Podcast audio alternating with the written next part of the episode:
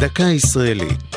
השבוע חרקים, והפעם מתקפות הרבה.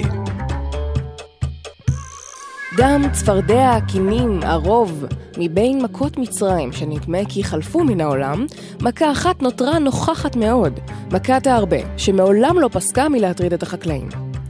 ארבה הוא שם כולל לחגבים המתאגדים בלהקות של מיליוני פרטים ופוגעים ביבולים, כפי שידעה הארץ לאורך השנים.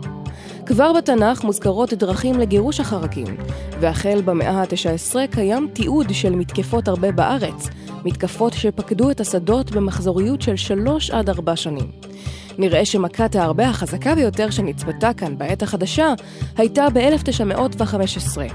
אז נאלצו שלטונות האימפריה העות'מאנית למצוא פתרון יצירתי לבעיה, וחייבו את התושבים ללקט חגבים ולהעבירם לידי האימפריה, כך שתוכל למוכרם כמזון. במהלך שנות ה-50 במאה הקודמת תקפו נחילי ארבה את השדות כמעט מדי שנה בשנה. אחת המתקפות הזכורות במיוחד הייתה בשנת 55, ובמהלכה נדדו נחילי ארבה בשלושה ראשים מהנגב צפונה וגרמו נזקים כבדים לשדות. לפני כשנה תקפו את מערב הנגב נחילי ארבה שחצו את הגבול מסיני, ופרטים מהם נצפו גם בתל אביב. זו הייתה דקה ישראלית על מתקפות ארבה. כתבה יעלי פוקס, ייעוץ הפרופסור זוהר עמר, הפיקה ענבל וסלי.